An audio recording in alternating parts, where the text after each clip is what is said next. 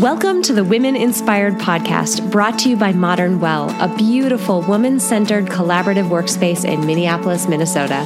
I'm your host, April Seifert, psychologist, entrepreneur, and self proclaimed life experience junkie. Each week, I will introduce you to a different woman who is succeeding and inspiring others in one way or another.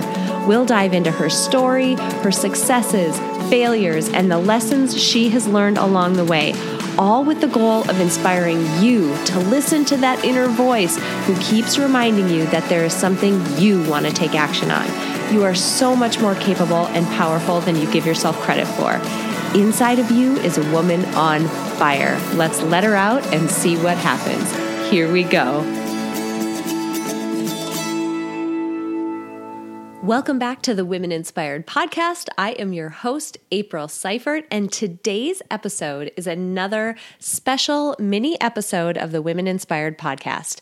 So, I have two goals for today's podcast episode.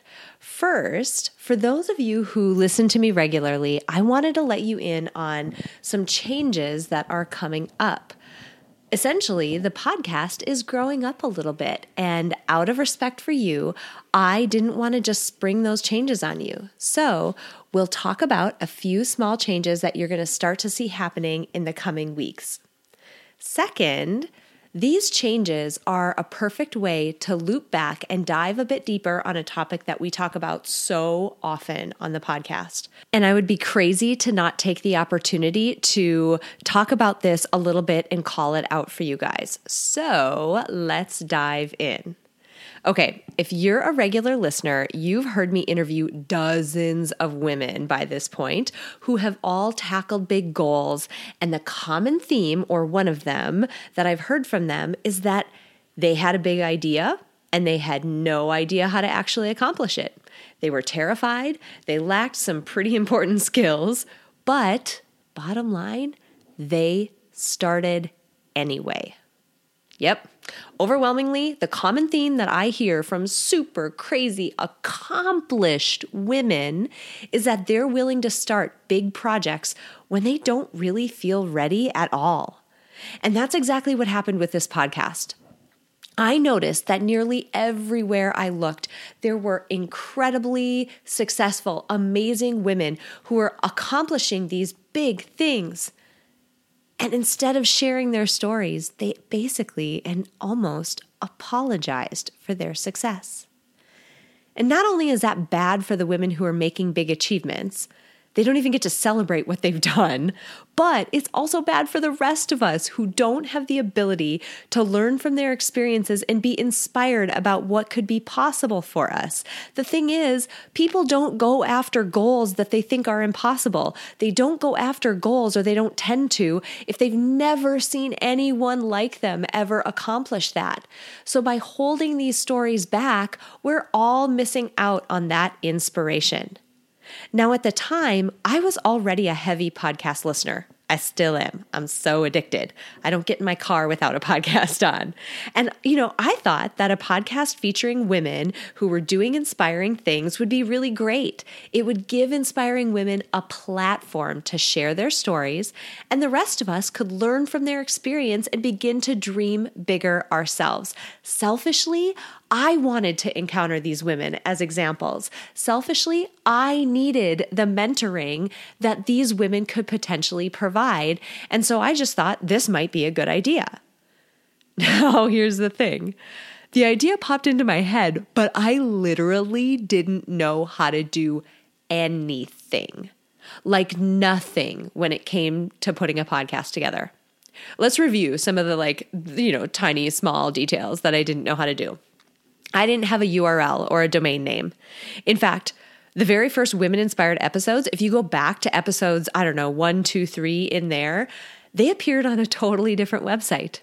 And speaking of websites, I didn't know how to build one. I had never done it before. I didn't know whether I'd be able to find enough guests. How crazy is that, right? Like, so pessimistic of me. But I didn't. I didn't know if I would be able to find enough guests. Plus, what if no one was willing to talk to me? I mean, like, I'm no one after all, right? Like, what if I reached out to these women and they said no? And if I did manage to secure guests, I didn't know how to interview them. I had never done it before. I am not a journalist. I'm not trained in this. I'm a data scientist and a psychologist, and I don't do this type of thing as a living for a living. I didn't know what software or hardware to buy in order to record or edit an episode. And even if I did figure that out, I didn't actually know how to do audio editing. I didn't know where to find music for my intro and my outro, and I was pretty sure that I didn't want to get sued, so I didn't know how to find the right music that would allow me to use it in a, you know, venue like this. I didn't know how to get my episodes to syndicate to iTunes and the other platforms that I'm on today, and I had no idea how to promote them. So once I got them out there, I didn't know how to tell people that my episodes existed. So when I if you think about that, think about that list. That's pretty much like all the things about making a podcast. So when I say I didn't know anything, I mean I didn't know anything, like nothing. But regardless of all of that, maybe I'm crazy. But I started anyway. I figured out what my first step should be, and I took it. I bought a URL. I bought the wrong one. I bought one that I don't use today, but whatever. I took my first step. Then I took my second, then my third. And slowly, slowly, slowly, over time, I figured so many of these things out.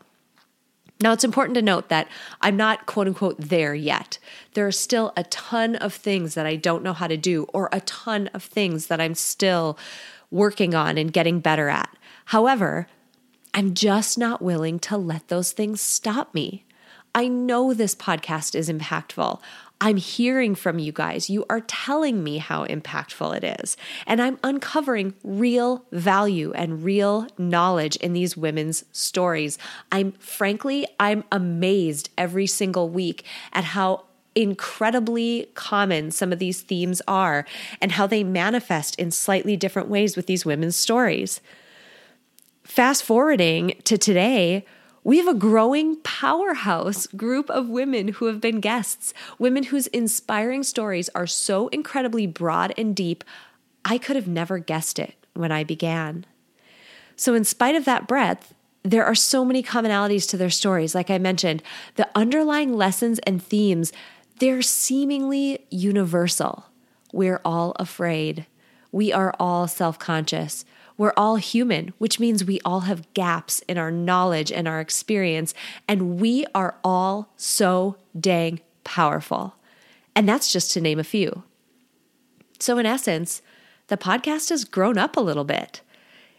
It has a feel now, it has a heartbeat now, it has like a little soul of its own.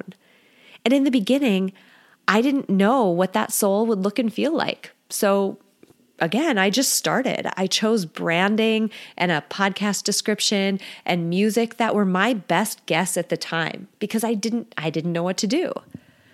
But the thing is, the soul of this podcast is so much deeper than I ever could have imagined. So, to reflect that, I'm going to be doing just a tiny bit of rebranding. If you've paid really close attention, you've probably noticed that my long podcast title and description Typically, you'd see this on iTunes. They've already changed just a little bit. It really just brings those descriptions in line with the types of topics that I'm finding that I'm covering. You probably also noticed that, starting with this episode, I've updated my music and my intro and outro voiceovers. These changes just better reflect the amazing breadth and depth of my guest stories.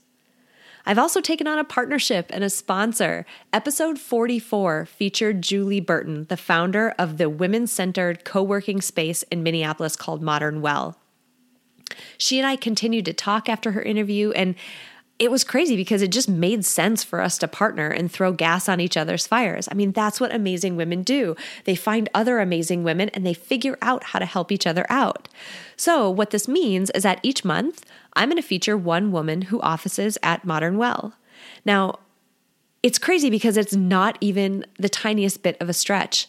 I have been blown away by how accomplished and authentic and inspiring the women at Modern Well are. And it is the easiest thing in the world to give these women a piece of this platform. It only makes this powerhouse group even stronger. So, there you have it. The Women Inspired podcast is growing up and it's really taking shape. This podcast is something entirely different than it was when I began. And I mean, God, if I look back, I'm different than I was when I began.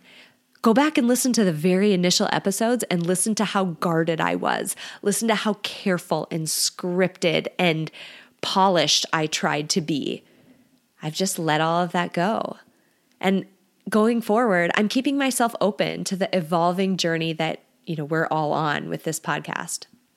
So, as you see shifts coming in the weeks and months, just know that it's just me behind the scenes intentionally aligning the outward face of the podcast with the soul that is becoming clearer every single week.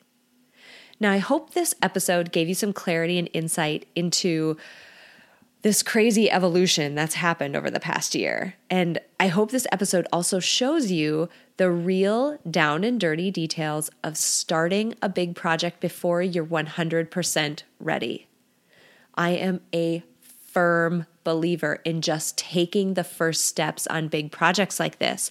There will always be learnings, there will always be evolution that means you are always going to have to slightly pivot a little bit, like what I'm doing right now. But if we wait for everything to be perfect in the beginning, we will never start anything. Just start. The idea you have, take the first step today. You'll figure it out. I promise you are so much more capable and powerful than you give yourself credit for. So, as we close out, I will end by saying thank you. Thank you so much for coming along this incredible journey with me. I truly feel like we've got a family forming. Thank you to everyone who has rated and reviewed this podcast. When I ask every week in my outro for ratings and reviews, you have no idea how much every single one of them means both to me personally as validation that I'm on the right path, but also to other people who are going to find this podcast because it gets better search rankings the more ratings I have. That's just how iTunes works. I didn't know that in the beginning either. So, there, I found out another thing. Thank you seriously to everyone who has been on this journey with me. I appreciate every bit of feedback. I appreciate every download that you've given me. I appreciate every bit of time that you have given to this podcast. Thank you so much. Before we close out today, I want to say thank you to my producer, Cameron Hill, and to my incredible sponsor, Modern Well. If you want to learn more about how you can reach your goals in a one of a kind work life community, visit www.modernwell.co. If you enjoyed this episode, please share it with someone else who might benefit from this inspiring message. And if you have a moment, click the link in the episode description to leave me a rating and a review on iTunes. It would mean so much to me. Finally, I want to remind you that it is absolutely possible to live a happy, fulfilling life, even in spite of all of the chaos and demands we all experience. Sign up at aprilseifert.com to gain access to tools that will help you do just that. I have carefully created and curated a set of tools that combine the powerful fields of psychology and design thinking to help you intentionally create a fulfilling, happy life you love. Thank you so much for joining me this week, and until next week, stay inspired.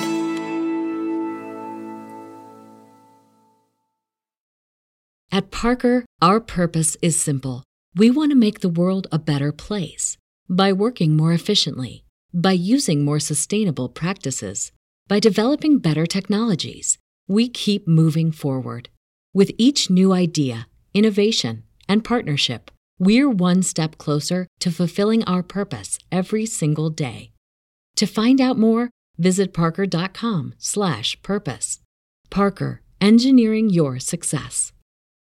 As humans, we're naturally driven by the search for better. But when it comes to hiring, the best way to search for a candidate isn't to search at all. Don't search, match with Indeed. When I was looking to hire someone, it was so slow and overwhelming. I wish I had used Indeed. If you need to hire, you need Indeed. Indeed is your matching and hiring platform with over 350 million global monthly visitors, according to Indeed data, and a matching engine that helps you find quality candidates fast. Ditch the busy work. Use Indeed for scheduling, screening, and messaging so you can connect with candidates faster. And Indeed doesn't just help you hire faster. 93% of employers agree Indeed delivers the highest quality matches compared to other job sites, according to a recent Indeed survey. And listeners of this show will get a $75 sponsored job credit to get your jobs more visibility at Indeed.com slash podcast. That's Indeed.com slash podcast. Terms and conditions apply.